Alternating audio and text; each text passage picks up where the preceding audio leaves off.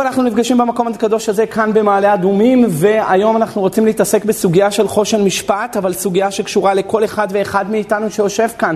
תמדתי על עצמי במרוצת הדורות מה פתאום לא עשינו שיעור על הסוגיה הזאת כי היא כל כך מצויה, כל כך אה, אה, עכשווית, היא כל כך אה, אקטואלית וכדאי מאוד לכל אחד ואחד אה, להיות מעורה קצת בסממנים מלמעלה של הסוגיה, כמובן שבשיעור הזה, לא כמו השיעור ביזדים, אנחנו יותר נוטים אה, להביא את הסוגיות מלמעלה. אני לא מתעמק איתכם, כי כיוון שגם הקהל כאן הוא הרבה יותר, אה, הרבה יותר שונה מהקהל שיש ביזדים, ששם קצת יותר תלמידי חכמים, וכאן זה אנשים בעלי בתים ירא שמיים. אני לא ארד איתכם לסוגיות ולחילוקים, וגם השעה כבר הרבה יותר מאוחרת מאשר חמש בצהריים. אנחנו נמצאים בשמונה ורבע בערב, ולכן אי אפשר להביא את אותו סגנון של שיעור, מה שאנחנו מתעמקים ביזדים. יכולים להביא כאן. אבל כאן לפחות אנחנו אה, נעסוק קצת בעיקרי הסוגיה, דברים ככה מלמעלה, שנדע שיש מושגים כאלה בכלל.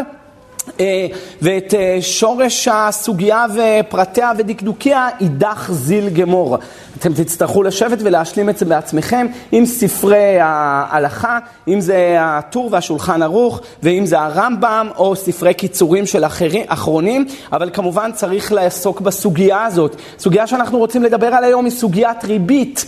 הרבה פעמים אנשים אה, רוצים לקנות מכונית, לקנות אוטו חדש, ולא מספיק להם הכסף שיש להם, אז הם לוקחים הלוואה מחבר, מאבא, מאימא, מחבר, משכן, רוצים לקנות בית, דירה. היום זה נראה חלום רחוק אה, לקנות דירה, וכנראה שזה באמת הולך ומתרחק עם העלאת הריבית של הבנקים, אה, האינפלציה, הקושי להשגת אה, ריבית, הלוואות בנקאיות נורמליות בתנאים נורמליים, הכל הופך להיות הרבה יותר מטורף, הרבה יותר קשה, הרבה יותר מורכב, וזה כבר לא נהיה בגדר אתגר, זה כבר הפך להיות בגדר חלום שבלתי בלתי אפשרי.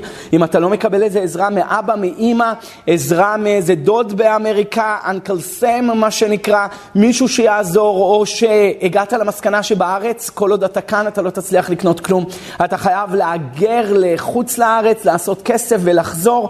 כל מיני מסקנות יש בסוגיות האלה של לקנות דירה במדינה הזאת, מה שלא ברור לי בכלל, איך יכול להיות שחייל שנתן שלוש שנים מהחיים שלו לצבא, כל שכן כשהוא היה קרבי, והוא עבד כל כך קשה בשביל המדינה, מה פתאום שהוא לא יקבל מד... אה, אה, דירה בתנאים נוחים? למה המדינה הזאת שייכת לאבא של מישהו? זה מדינה של כולנו, כולנו מדינת היהודים. חייל שעבד והשתדל והיה ב... ביחידה קרבית ונתן את כל החיים שלו בשביל המדינה, אולי אפילו איבד איזה איבר או סובל מפוסט טראומה, לא משנה מה, מה פתאום שהוא לא יקבל דירה ואנשים מאוקראינה שבאו מאוקראינה ברחו, מקבלים פה כבר דירות.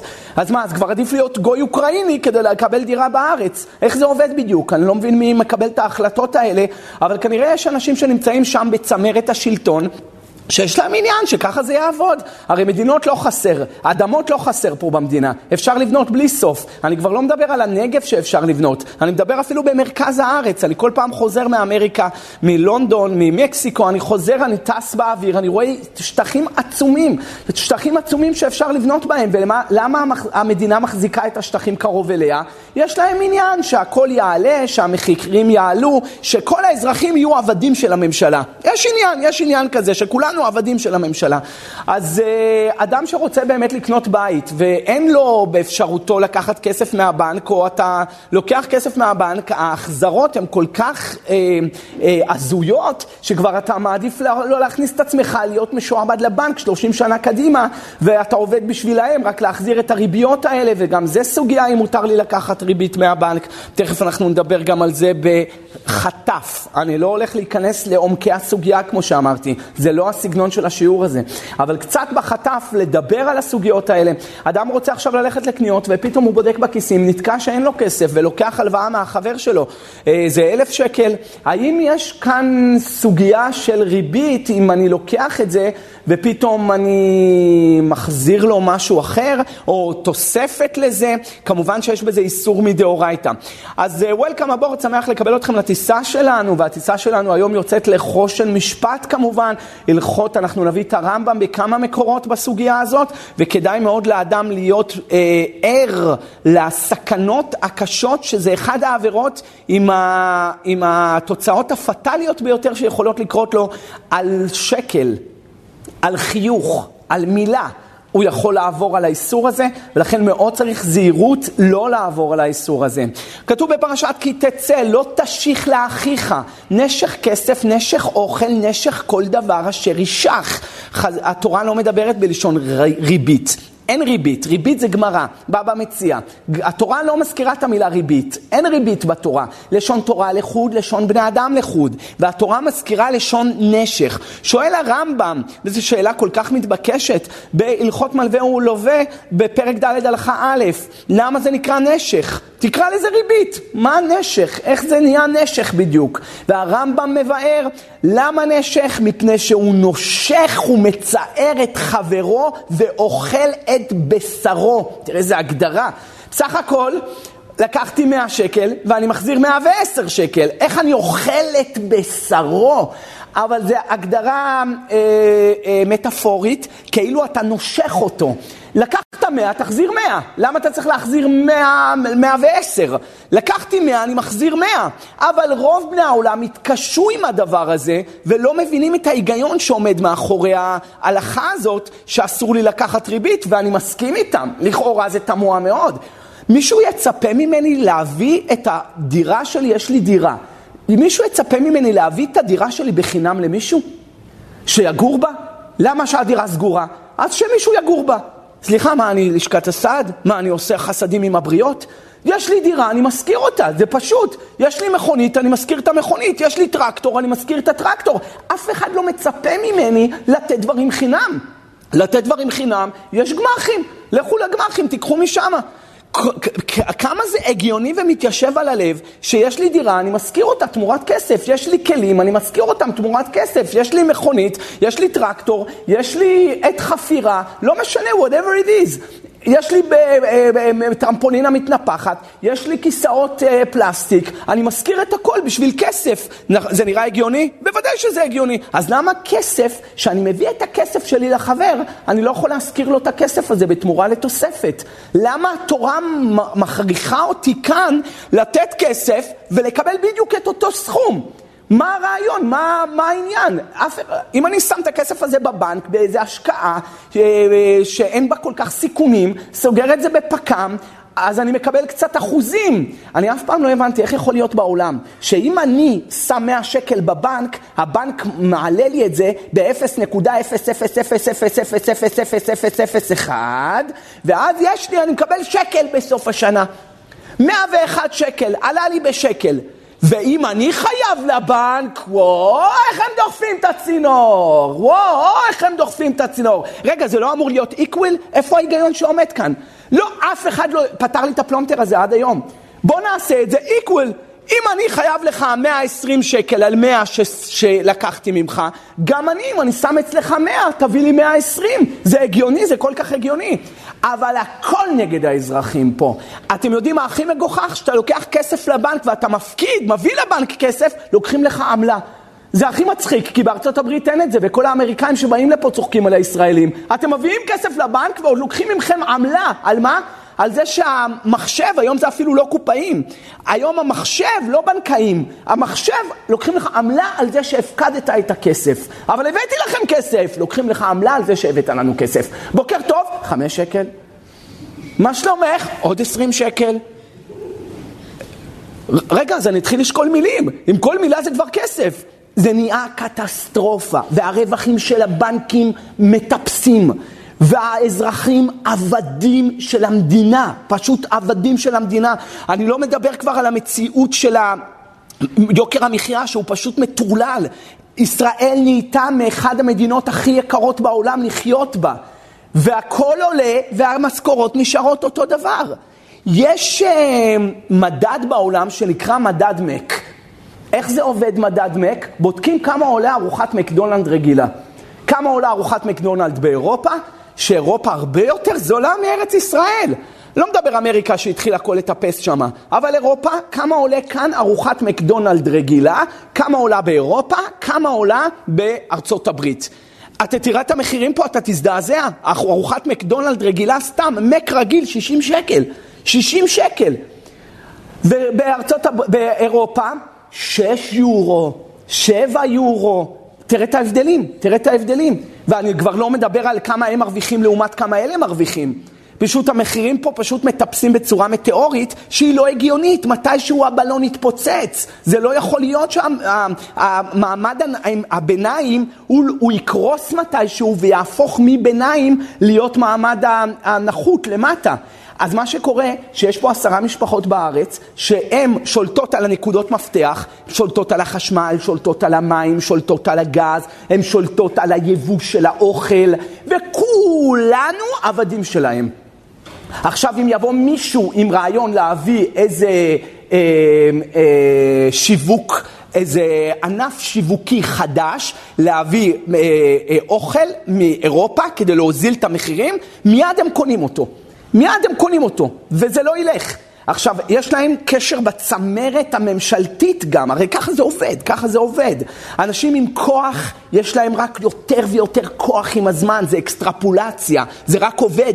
מה שהיה לי היום, אני היום יש לי שמונה, עשר, חמש עשרה, יש לבן אדם חמש עשרה דירות היום. מחר יהיה לו שש עשרה, מחרתיים יהיה לו שבע עשרה, אחרי זה יהיה לו שמונה עשרה. למה? כי הוא גורף את כל השכירויות ורק קונה עוד, ואז נהיה לו עוד, וככה הוא הולך ומתעצם, הולך וגודל. איך אומרים? המיליון הראשון הכי קשה לעשות, אחר כך זה כבר פינאץ. אבל תעשה את המיליון הראשון, בוא נראה אותך.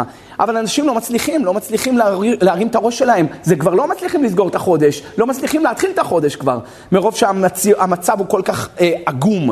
אז עכשיו, בעיני הבריות, פשוט לכל ברבר רב, לכל אדם עם ראש על הכתפיים, שאני לא עושה חסדים. אני לא אביא את הבית שלי חינם לאנשים, אני לא אביא את הרכב שלי חינם לאנשים.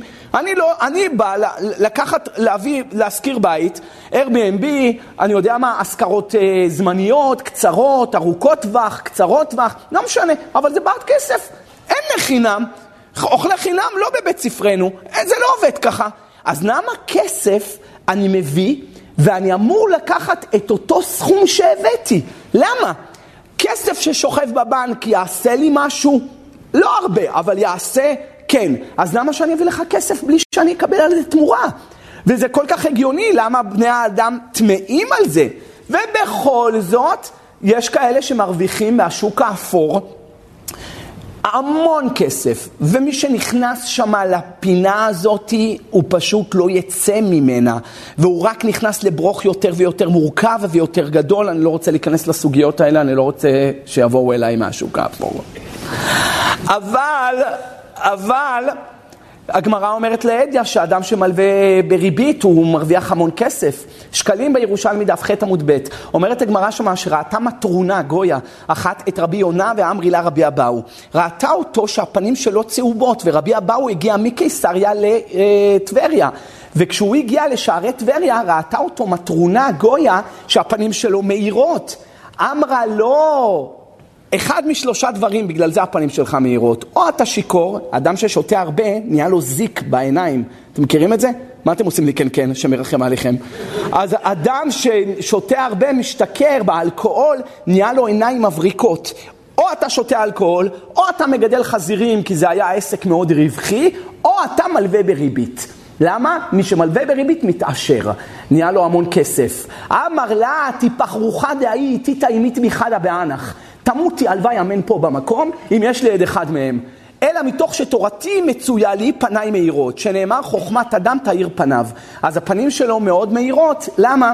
בגלל שהוא, התורה שלו מאוד מצויה לו. אבל מה למדנו מהגמרא הזאת? שאדם שמלווה בריבית מתעשר, יש לו המון כסף. הוא בסך הכל נתן 100, מקבל 150, נתן 200, מקבל 250, תלוי גם בתנאי החזרה, תלוי גם כמה כספים הוא נתן, תלוי באינפלציות, תלוי בהרבה דברים.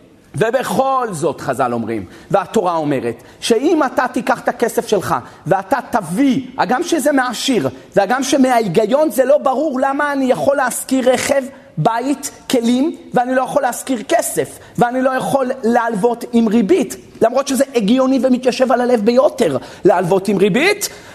מובטח לו שמי שיעשה את זה וילווה בריבית נקרא רשע וכופר בתורה. וככה הגדרת הרמב"ם, אני קורא, הלכות, הלכות לווה ומלווה, שם בהלכה ז', כל הכותב שטר ריבית, הוא כותב שטר, שאני נתתי לפלוני 100 שקל, פלוני מחזיר לי עד סוף החודש 150 שקל. כתב שטר ומעיד עליו עדים, בוא תחתום אתה, בוא תחתום אתה, כפר בהשם אלוקי ישראל. העיד על עצמו, כך כותב הרמב"ם, שהשטר הזה מעיד שהוא כופר בשמיים, כופר בהשם. עכשיו הגמרא שואלת בבבא מציע דף ע"ה עמוד ב', מי עובר על איסור? הלווה או המלווה? והגמרא אומרת, הלווה, המלווה, העדים, הערב, הסופר, כל מי שבעסק, את כולם מכניסים לצינוק. איי, איי, איי. ממשיך הרמב"ם, וכל הלווה ומלווה בריבית בינו לבין עצמו, היינו בלי שטר. הרי הוא כופר בהשם אלוקי ישראל, כפרו ביציאת מצרים, שנאמר כספך לא תיתן לו בנשך, אני אדוני אלוהיכם אשר הוצאתי אתכם מארץ מצרים. לא מאמין ביציאת מצרים. ממילא, הלווה, המלווה, יש להם דין של כופרים, ויש לזה נפקא מינה להלכה. אם יושבים עליו שבעה, אם קוברים אותו בבית קברות של יהודים, אם מורידים אותו לבור ולא מעלים אותו, אם מצווים להחיות אותו, אם רואים אותו גוסס, יש לזה דין של אם הוא בכלל קם בתחיית המתים, תכף אנחנו נראה. חז"ל אומרים שמובטח לו, חז"ל קיללו אותו, מובטח לו שכל נכסיו יתמוטטו. עכשיו אתה מרוויח את הכסף, ואפילו לא הרווחת הרבה. מה הרווחתי? כולה, 50 שקל. כל נכסיו התמוטטו מהרה, מהרה באלף, זה מחלה, נכנסת בתוך הנכסים שלו וכמו תולעת מכרסמת לו את כל הנכסים עד שהוא מתמוטט ונצרך לבריות. כי תחת אשר הוא חשב שהוא יעשה כסף, השם מלמד אותו לקח ומראה לו, אתה חשבת לעשות כסף, אני אלמד אותך מה זה לעשות כסף נגד התורה. אתה תצא נגד התורה, תיקח ממון שלו, שלך, מאנשים נזקקים, נצרכים, ואם אתה היית מהנזקקים, הרי אהבת לרעך כמוך, ולמה אתה מבקש ממנו יותר ממה שהוא מסוגל לתת? והתורה אמרה אסור לתת, אז אסור לתת. זה אחד מהדברים שהם גזירות הכתוב ואין לזה שום ביאור אה, רציונלי. הביאור רציונלי, אהבת לרעך כמוך. אם אתה היית נזקק, הגלגל הזה יסתובב עליך, הגלגול הזה טוב, מה? אתה נותן לאחרים. ואם גלגול הבא אתה תצטרך מאחרים, אתה תרצה שהם יחזיר יותר ממה שלקחת? לא תרצה. אבל יש עסקים, בפרט בזמן הקורונה, שקרסו, והבנקים לא נתנו להם הלוואות. ולא היה להם ממי לקחת, ולקחו מהשוק האפור, מהשוק השחור, לקחו מחברים, לקחו, ואף אחד שם לא ייתן את זה בחינם. למה? כי, כי הם מבינים שכסף עושה כסף. אז אם כסף עושה כסף, תקנה בית ותשכיר. אבל אתה תלך, תיקח כסף, ואתה תלך ותעשה על זה, תעשה על זה אה, אה, ביזנס על חשבון צעקת אומללים ועניים ונאקת אומללות ויתומים? אז על זה אומרת הגמרא, מובטח לו שכל נכסיו יתמוטטו, יעשו כנפיים, ולא יישאר לו מהם מאומה. גדולה מזו, חז"ל מבטיחים לו שהוא לא קם בתחיית המתים. גמרו אותו, גמרו אותו. לא מספיק עובר עליו, לא מספיק נכסיו התמוטטו. יעני עבר עליו, אז הוא שיקפצו, עברתי עליו. אה, עברת עליו? הרי אתה מפחד על כסף, אתה רוצה כסף, אתה אוהב כסף. אז הכסף, אנחנו נלמד אותך שלא בגיהינום אתה תהיה. עוד בעולם הזה אתה תראה שהנכסים שלך יתמוטטו. ולא רק זה, גם לא קם בתחיית המתים. בבא מציע ס"א עמוד ב', למה כתב רחמנה יציאת מצרים אצל ריבית? אני, אדוני אלוהיכם אשר הוצאתי אתכם מארץ מצרים, את כספך לא תיתן לו בנשך. מה קשור יציאת מצרים לנשך? למה הזכיר נשך ביציאת מצרים? לא הזכיר יציאת מצרים בתפילין. לא הזכיר יציאת מצרים בש, בשבת. למה יציאת מצרים הזכיר דווקא בנשך? לומר לך, אומרת שמה הגמרא, אמר הקדוש ברוך הוא, אני שהבחנתי בין טיפה של בכור לטיפה של עינה של בכור, אני עתיד להיפרע ממי שמלווה אותם בריבית לישראל. איפה הראייה כאן על תחיית המתים? קודם כל העונש כאן הוא לתחיית המתים. מה הוא אמר? אני הבדלתי בין טיפה של בכור לטיפה שינה של בכור. אני בתחיית המתים יבדיל בין מי שהלווה בריבית למי שלא הלווה בריבית. ומי שהלווה בריבית, אני לא יקים אותו. שלא יחשוב ש... יאללה, אללה בבאללה, כולם קמים, כל הבית קברות סנהדריה, טאק, קומו, כל הגברות הר הרצל, קומו, כל הגברות הר המנוחות, קומו, לא. יש דין מדוקדק על כל קבר וקבר אם הוא קם או נשאר בעפרו ואין עפרו ננער. אז כמו שאני הבחנתי בין טיפה של בכור לטיפה של עינה של בכור, אני אבחין מלווה ומלא ילווה בריבית, ומשילווה בריבית אין העפרון ינער ויישאר שם בבית הקברות. איפה הראייה? הרי מהגמרא לא מוזכר שהוא לא קם בתחיית המתים. המקור זה פרקי רבי אליעזר, פרק ל"ג. שם הוא מתאר את המתים שהחיה יחזקאל הנביא בבקעת דורה בבבל, וכתוב שמה וכולם עמדו על רגליהם חוץ מאיש אחד. שאל יחזקאל את הקדוש ברוך הוא ריבונו של עולם, איך הצלחתי להעמיד צבא שלם של עצמות, ואילו את הבחור הזה לא הצלחתי להעמיד, למה הוא לא עמד? אמר לו הקדוש ברוך הוא, בנשך נתן. ומי שנותן בנשך, היינו בריבית, לא קם בתחיית המתים. רבנו הארי מבאר את הסוד שלו בעץ חיים בשער י"ח דף פ"א עמודה ג', ושם כותב רבנו הארי שכל אחד שנפטר נשאר על העצמות שלו, בתוך העצמות זה נקרא עוולה דגרמה. זה כסתא דחיותא, זה קצת רוחניות נמצא על הקבר. לכן אנחנו באים להתפלל על קברות צדיקים, על הקצת חיות הזה. הקצת חיות הזה זה הנפש, דנפש דקטנו דעשייה, שהיא נשארת שם על הקבר. ומי שילווה בריבית, מתייבשות העצמות שלו לגמרי, והוא כותב שם, אני קורא לכם, נשאר עוולה דגרמה, כדי שיהיה לו איזה חיות שיחזיק את העצמות חיות עד לזמן התחייה. אבל מי שהלווה בריבית, התייבשה אותה לחלוכית, וזה שכתוב אצל יחזקאל בעניין העצמות היבשות. למה כתוב עצמות יבשות? למה עצמות יבשות? של אותו בחור, שהעצמות שלו היו יבשות, כי הוא, מה זה יבשות? יבשות מאותה לחלוכית של רוחניות שנשארת בבית קברות, אז יש שם עצמות יבשות. ואמרו חז"ל שהיה איש אחד בנשך נתן, ועל ידי כך התייבשו עצמותיו בלתי שום לחלוכית ומצווה, ולא יקם בתחיית המתים, וכן יעשה למי שמלווה בריבית. הרב חידה עליו השלום בפני דוד, פרשת בהר ט', ראיתי שהוא כתב רמז יפה, סמ"א ל', זה השם של השטן, ל' י' ל' י' ת', זה השם של הנוק דה שטן, הנוקבה דה שטן, שתיהם גימטריה עם הכולל, גימטריה ריבית. למה? כי שתיהם יבואו וייפרעו ממנו, והוא כאילו עקר את עצמו מהזון דקדושה, היינו זה ומלכות, עקר את עצמו, והלך ונטע את עצמו אצל הזון דקליפה, ולכן הוא לא קם בתחיית המתים. היה סיפור אחד, אחד התלמידים של האדמו"ר מסטמר, שבא ושאל את הרבי מסטמר, רבי, אדם שמלווה בריבית קם בתחיית המתים? אמר לו, לא, אתה יודע שלא. אמר לו, אז למה זה לא כתוב בשולחן ערוך ביורה דעה? אמר לו, תגיד לי, מה, אשך זה לא מספיק לך? אתה צריך שזה יהיה כתוב בשולחן ערוך? אז התלמיד התבייש, לא הסתכלתי בשח, אם זה כתוב בשח, אז גם השח זה טוב, שפתי כהן, רב שבתאי הכהן, הוא בוודאי היה גדול עולם, היה מגדולי מפרשי השולחן ערוך. הלך חזרה על הבית, אותו תלמיד, והתחיל לחפש בכל השח, ביורה דעה, בהלכות אה, ריבית, והוא מחפש והוא לא מצא כלום. אמר אולי הרב טעה, אולי, לא ידע. חזר לבית כנסת, ראה אותו הרב, אמר לו, חזרת. אומר לו, כן הרב, אני, אמר לו, תגיד לי, בטח באת לשאול אותי שזה לא כתוב בשח. אמר לו, כן הרב, איך הרב יודע? אמר לו, כן יודע שזה לא כתוב בשח. אמר לו, אז מה שלחת אותי? אמרת לי השח. אמר לו, השח בסוף הלכות ריבית ביורה דעה כתב פיוט בחרוזים, ובתוך הפיוט הוא מכניס את זה שמה. אני אקרא לכם את הפיוט. ימות מלווה אונו בנשך ממונו, מעיד ובזדונו, שכופר באדונו, לא יקץ עם עמו. אז ממילא אתה רואה מכאן שגם השח כותב את זה שהוא לא יקץ, יקיץ בתחילת המתים. גדולה מזאת, תוספות כותבים במסכת סוטה עמוד א', שמי שמלווה בריבית לא חי בעולם הבא. אני לא יודע אם כוונתם לא חי בעולם הבא זה בדיוק אותו רעיון של uh, תחיית המתים שהוא לא חי והם קראו לזה עולם הבא, או הכוונה באמת אין לו גם עולם הבא, לא רק תחיית המתים אין לו, כל כך החמירו, כל כך החמירו בשביל 50 שקל. ולפעמים זה יכול להיות פחות מ-50 שקל, לפעמים במילה עברת על ריבית. מה? במילה עברת על ריבית. מה? איך במילה אני עובר על ריבית?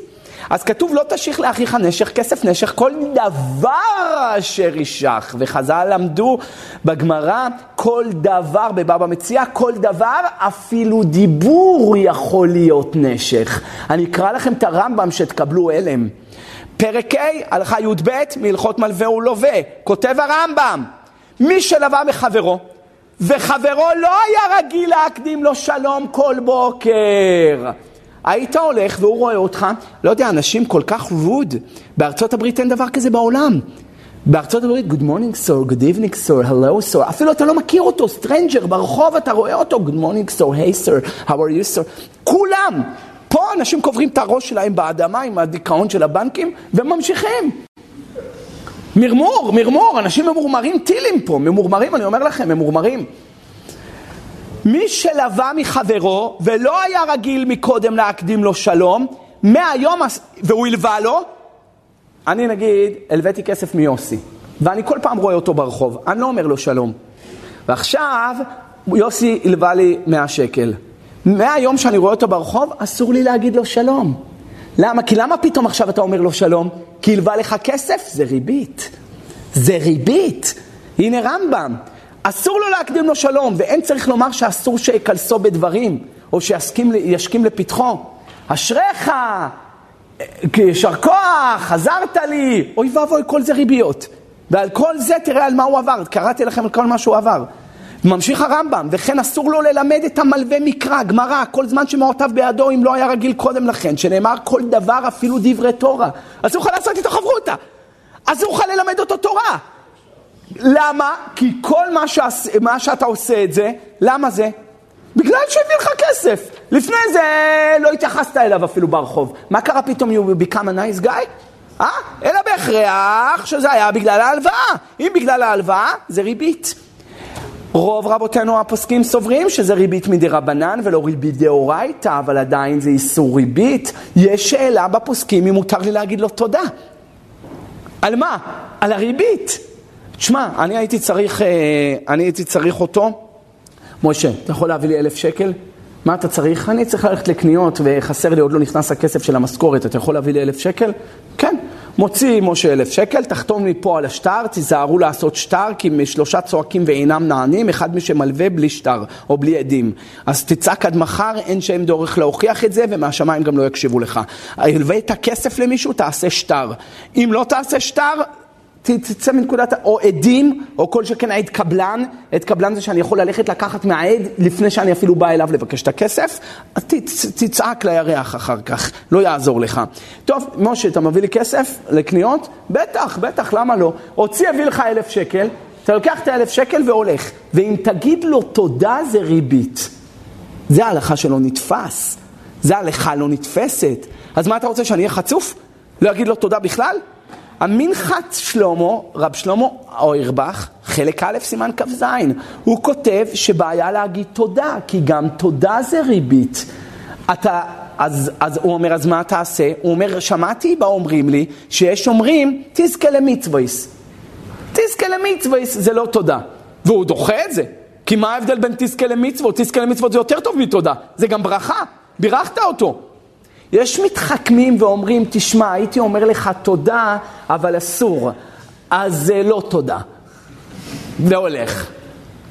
זה מזכיר לי קצת שאדם אשתו בדגל אדום, אסור לו, אסור לו להגיד לה דברי חיבה. מה, אתה רוצה להגיד לאשתך דברי חיבה? זה אסור. אסור לדבר עם אשתו על דברים של בינו לבינה כשהיא בדגל אדום, וגם אסור אה, לדבר איתה דברי חיבה. אני אוהב אותך, מונשרי, המרדיאלי, ארוכי, עומרי, תלוי איזה עדה.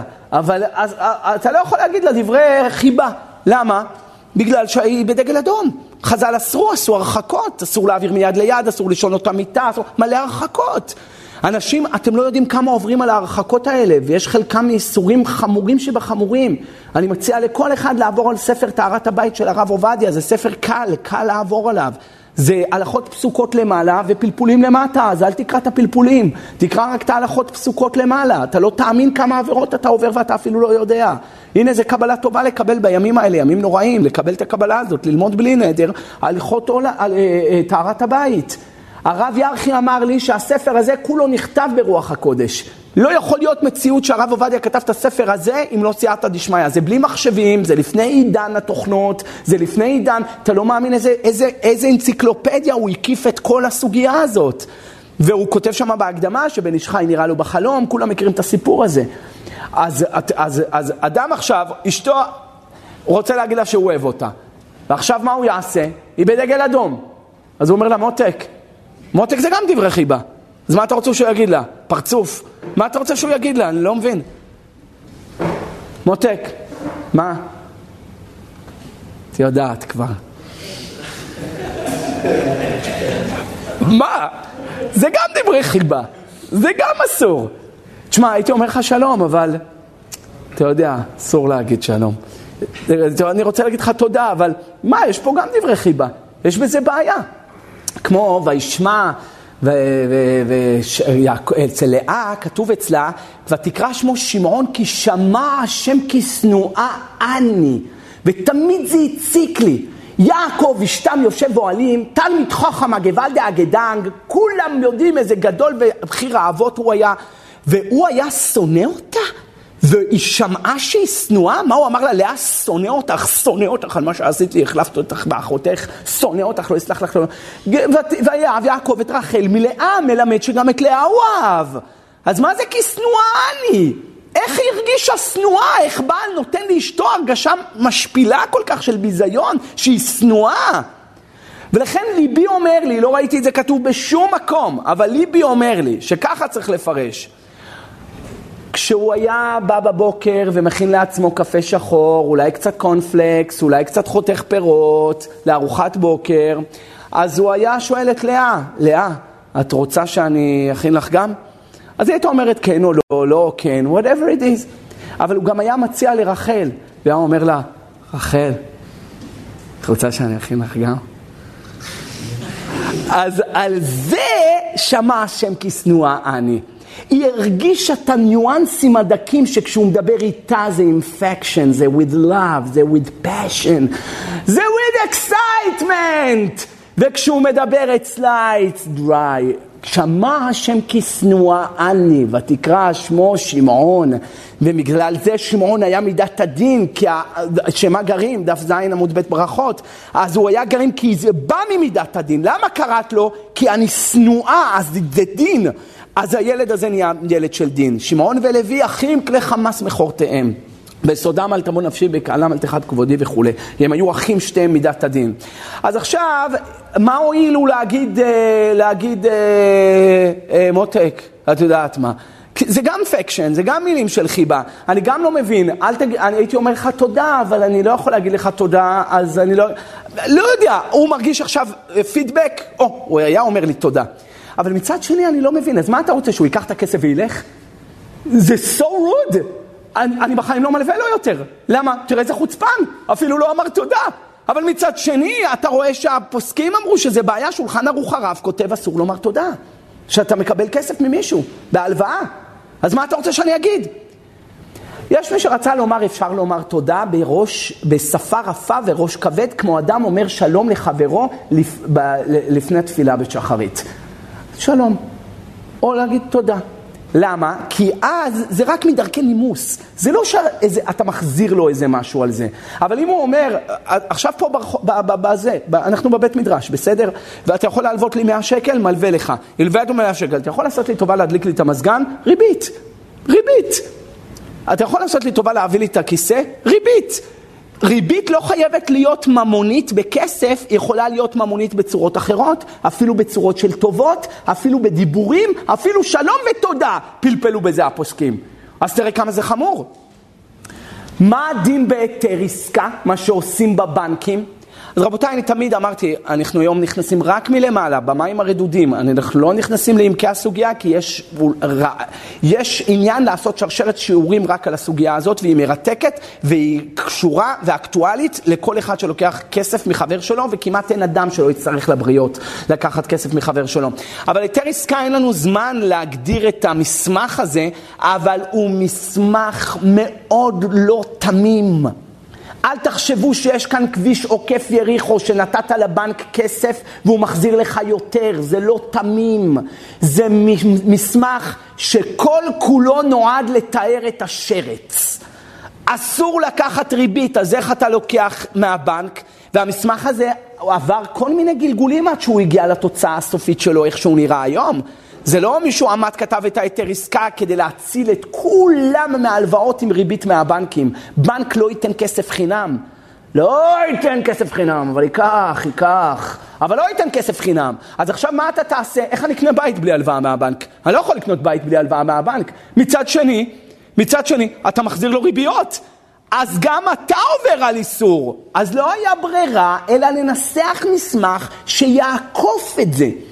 אני כבר לא מדבר על הסוגיות של uh, שמת כסף בפק"מים ואתה מקבל יותר, שזה כאילו נעשית שותף שקט של הבנק ברווחים ולא בהפסדים. אני לא מדבר על השקעה במניות, שגם זה עוד סוגיה שצריך לדבר עליה, אבל, אבל ההיתר עסקה הוא מסמך שכל כולו נועד לעקוף את הבעיות האלה, ואפילו חכם עובדיה יש לו תשובה בסוגיית פוליסת חיים, ביטוח חיים, אם מותר לעשות או אסור לעשות, אני אף פעם לא הבנתי למה קוראים לזה ביטוח חיים. הרי מדובר פה שאחרי שהבן אדם מת, מביאים את זה לאישה ולילדים, אז זה ביטוח מוות, לא חיים.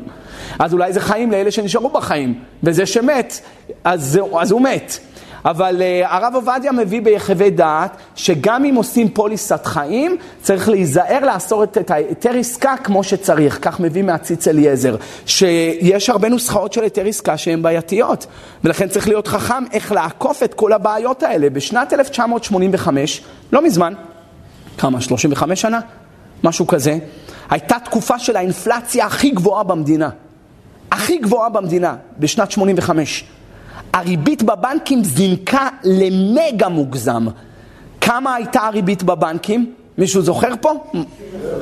771 אחוז של ריבית. זה אומר לשנה. זה אומר, זה אומר קרי, קרי, שאם לקח אדם הלוואה של 100 שקל מהבנק, בסוף השנה הוא היה חייב לבנק 871 שקל. 100 שקל הוא לקח, והוא החזיר 871 שקל. אתה יודע מה זה? אני מדבר על 100 שקל, מי לוקח 100 שקל מהבנק? אנשים קרסו פה, היה קטסטרופה. השאלה אם מותר היה לקחת מהבנק, אבל, הש... אבל אם לא ייקח, איך יקנה בית? איך יקנה בית? אז שו"ת תשובות והנהגות, חלק ב' סימן תכ"ב מביא חלום. Oh, אתם אוהבים את הדברים האלה, חלומות, לכן ספרדים, ספרדים אוהבים סודות. תמיד אמרתי את זה, ספרדים, ספרד, ראשי תיבות, סוד פשט רמז דרש. לא כמו פרדס, פרדס זה פשט רמז דרש סוד. ספרדים, סוד פשט רמז דרש. יוד, מם יותר משכנזים. ספרדים אוהבים את הסודות, אתה תלך למוסאי או פרבה בצהריים, מדברים איתך סודות, קבלה, הכל, מאוד אוהבים את זה. אצל אשכנזים מי שמדבר לא יודע, מי שיודע לא מדבר. אבל אצל הספרדים זה משהו שהוא נחלת הכלל, זה בנשמתנו, אוהבים חלומות. חלומות, איג'י ביג'יז, כל מיני סטאפ כאלה מעניינים. נו, הוא מביא חלום. מאיזה ספר? לא פחות ולא יותר מספר מעשה רב החדש של הגאון מווילנה. ושם הוא כותב, ידוע מה שאמר הגאון מווילנה, שריבית היא עבירה תמידית יום ולילה. זה לא עבירה שפעם אחת הוא עבר וזה נגמר, הלווה וזה נגמר. כל רגע יש עליו את העבירה הזאת, כמו מצוות ברית מילה. כל רגע יש עליך את המצווה הזאת של ברית מילה. היא מתקיימת על ידך כל רגע. אז גם יש בעבירות את אותו קונספט. כל רגע אתה עובר עבירה, עד שתחזיר את הריבית. אבל כל זמן שלא החזרת את הריבית, כל רגע זה נמצא אצלך. הגר"א סיפר על אחד שהתגלה, אני קורא לכם את התשובות וההנהגות, חלק ב', סימן תכ"ב. הגר"א סיפר שאחד התגלה, בח... התגלה לו בחלום ואמר שבית דין של מעלה אינם מסכימים להיתרי עסקה של האחרונים ומכים ועונשים על ריבית. חותם, והדברים מבהילים ממש, הרי שאפילו היתר עסקה מצוי לפעמים שאינו פותר. לכן צריך לעשות את ההיתר עסקה לכולי עלמא בלי חששות. זאת אומרת, צריך לדאוג איזה רב, מה אתה רוצה שאני אלך לבנק, אני אשאל אותם איזה רב עשה לכם את ההיתר עסקה? מה אתה רוצה שאני אלך עכשיו לחברה של אה, הלוואות, או אני יודע מה, כל מיני כאלה, לשאול אתכם מי עשה את ההיתר עסקה? לא יודע איך זה אמור לעבוד, זה יפה בתיאוריה, אבל בפועל, מה אני אמור, איזה רב מלווה אתכם? מי הרב של בנק פועלים? לא יודע, לא יודע מי הבנק של בנק, בנק פועלים. בטח עושה הרבה כסף הרב הזה. אבל אה, לא יודע, איך, איך, אני אמור, איך אני אמור לברר את זה בפרקטית, במעשה? הוא כותב שלא כל ההיתרי עסקה טובים, וחלק מההיתרי עסקה מענישים בבית דין של מעלה. How is supposed to know? איך אני אמור לדעת? איך אני אמור לברר את זה? לא יודע. אני מביא לכם דברים כהווייתם. לא רוצה להכניס ציבור שלם לפאניקה, את כל אלה ששואלים, אבל זה מה שמובא בספר מעשה רב. כנראה, כנראה שהרבנות מתערבת מלמעלה ובודקת את כל זה. אה, אז עכשיו אנחנו באמת שקטים. אבל, אבל כנראה שיש איזה כוח רבני בארץ שכן עושה משהו אחרי הכל, וכן בודק את הדברים האלה, ואני בתקווה ותפילה שעושים את זה כמו שצריך. מה שמרתק זה שביזנס של ריבית היה אחד מהעסקים הכי משגשגים באירופה. אבל לגויים, היהודים עשו ים של כסף על חשבון הגויים, בעסקות של ריבית. לגוי מותר, לנוכרי תשיך ולאחיך לא תשיך, למען יברכך אדוני אלוהיך בכל משלח ידיך. כמשמע לן שזה היתר. והרמב"ם בהלכות לווה ומלווה פרק ה' א' כותב זה לא היתר, זה מצווה. אוח, היהודים האלה אוהבים את זה, זה מצווה להלוות לגוי. אני קורא את הלשון! עכו"ם וגר תושב לווים מהם ומלווים מהם בריבית, שנאמר לא תשיך לאחיך, לאחיך אסור, ולשאר העולם מותר, ומצוות עשה להשיך לעכו"ם. יש מצוות עשה דאורייתא לתת כסף לגוי בריבית, שנאמר לנוכרי תשיך. מבין הרמב"ם שזה מצוות עשה, זה לא היתר, זה מצוות עשה. מפי השמועה למדו שזאת מצוות עשה וזה דין דאורייתא. כך כותב הרמב"ם, אחד מהתרי"ג מצוות. אז עכשיו אמרתי את זה במיאמי, והם אה, רוצים לקיים את המצווה הזאת מאוד מאוד. לא בגלל הרווח הממוני שבה, אלא כדי לקיים את המצווה. אז עכשיו יש לנו איזה פטריק אחד שעובד כאן, או איזה מריה אחת שעובדת כאן, ואני יכול להגיד לה, תשמעי, מריה, אה, אני מביא לך עשר דולר, תביא לי מחר עשר דולר ו quarter. אף אחד לא מקפיד על quarter. כמה זה quarter כבר? רבע דולר. שתי שקל, שלוש שקל, לא משנה. היא תעשה, היא עובדת אצלי, היא גם תעשה את זה. אז אני נותן לך אלון, הלוואה, תחזירי לי מחר עשר דולר וקווטר. והוא אומר לפני שהוא מביא לה את הכסף, לשם ייחוד קודשא בריחו ושכין תארני, בא לקיים מצוות עשה דאורייתא, אליבא דהרמב"ם, שנאמר לנוכרי תשיך, מפי השמועה למדו מצוות עשה דאורייתא. קחי. ומביא לה, ומחר היא מחזירה לו עשר דולר וקווטר, ולפי הרמב"ם קיים מצוות עשה דאורייתא. כדי לקיים את המצווה הזאת. הרמב"ם הולך לשיטתו וכותב שגם מצווה לדחוק בגוי להחזיר את החוב, מה שאסור לדחוק ביהודי.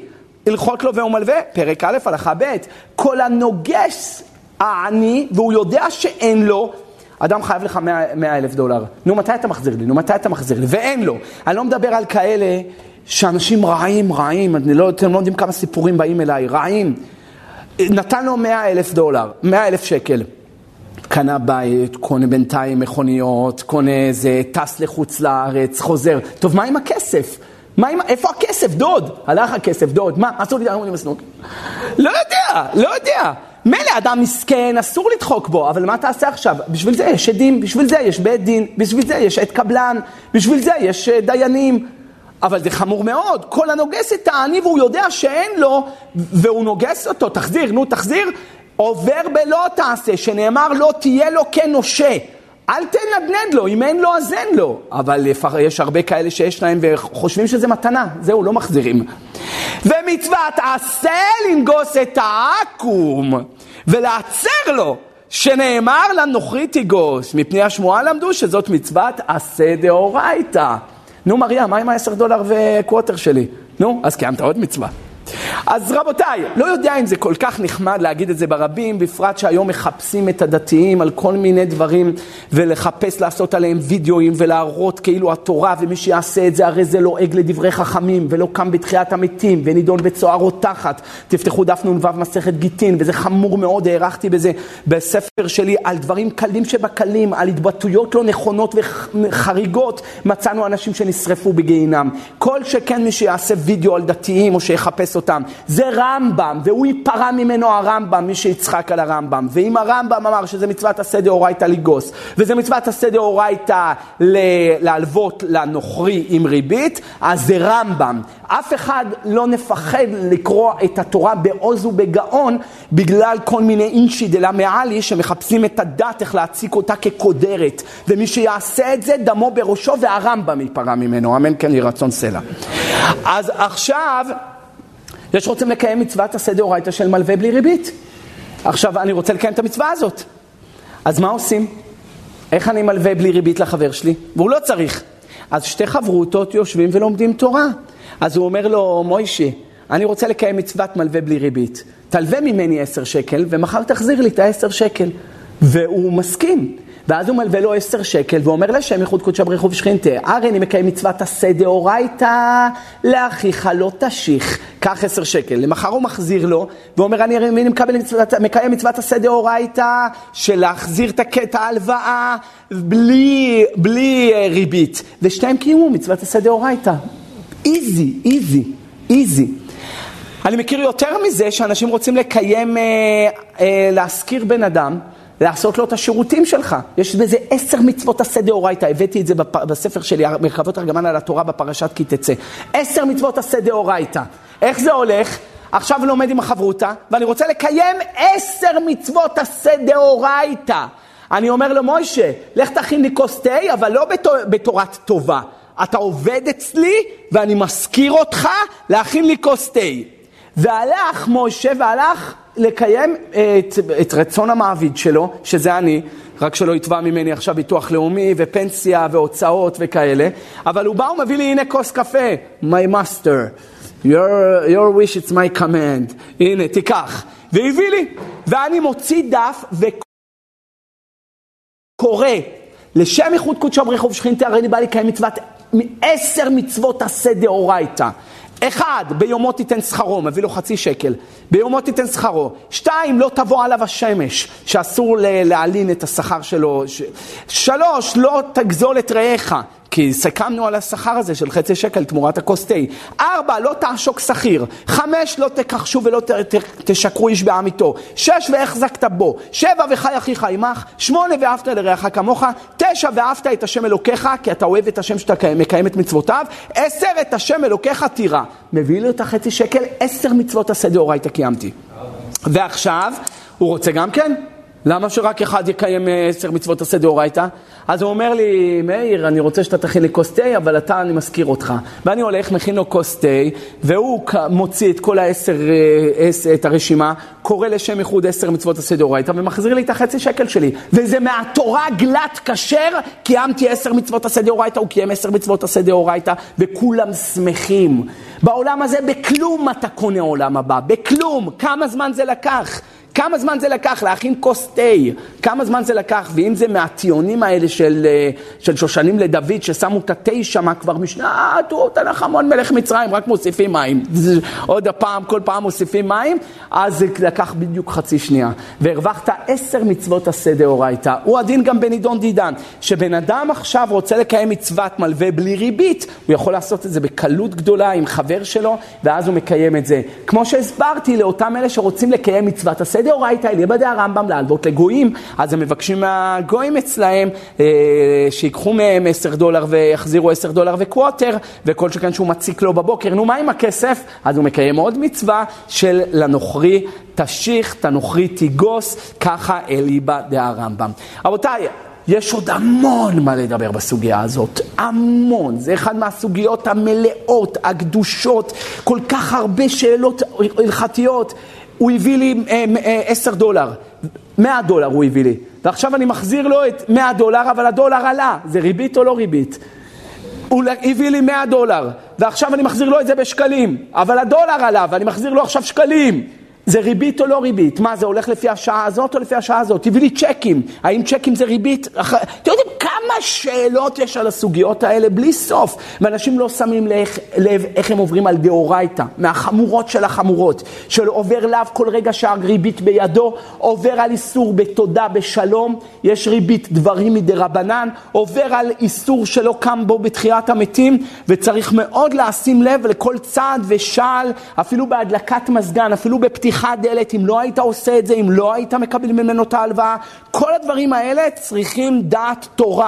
ולכן אל תסמכו על עצמכם כל זמן שיש לכם ספקות וספק דאורייתא לחומרא, כל שכן כאן בסוגיה המורכבת הזאת. אז קצת מה, ממש על קצה המזלג נגענו היום בסוגיה הזאת של ריבית, עוררנו את המעוררים. ואידך זיל גמור, כמו שפתחנו, את כל השאר כדאי מאוד ללמוד את זה, ואולי באמת לעשות על זה איזה סדר עם רבה, ישאל אתכם מה אתם רוצים ללמוד, תגידו אנחנו רוצים ללמוד הלכות ריבית, מהטור, מהגמרא בבבא מציע, מהשולחן ערוך, רמב"ם, באמת זה אחת הסוגיות המרתקות האקטואליות, ויש בהן כל כך הרבה שאלות שמשתנות, והן מאוד מרתקות, והן הלכה למעשה, ולא הלכתה למשיחה. הקדוש ברוך הוא יציל אותנו מכל הסוגיות האלה של איסורי דאורייתא ודרבנן, ונזכה לעשות רצונו כרצונו. יראו עינינו ישמח ליבנו בעגלה ובזמן קריב ונאמר אמן.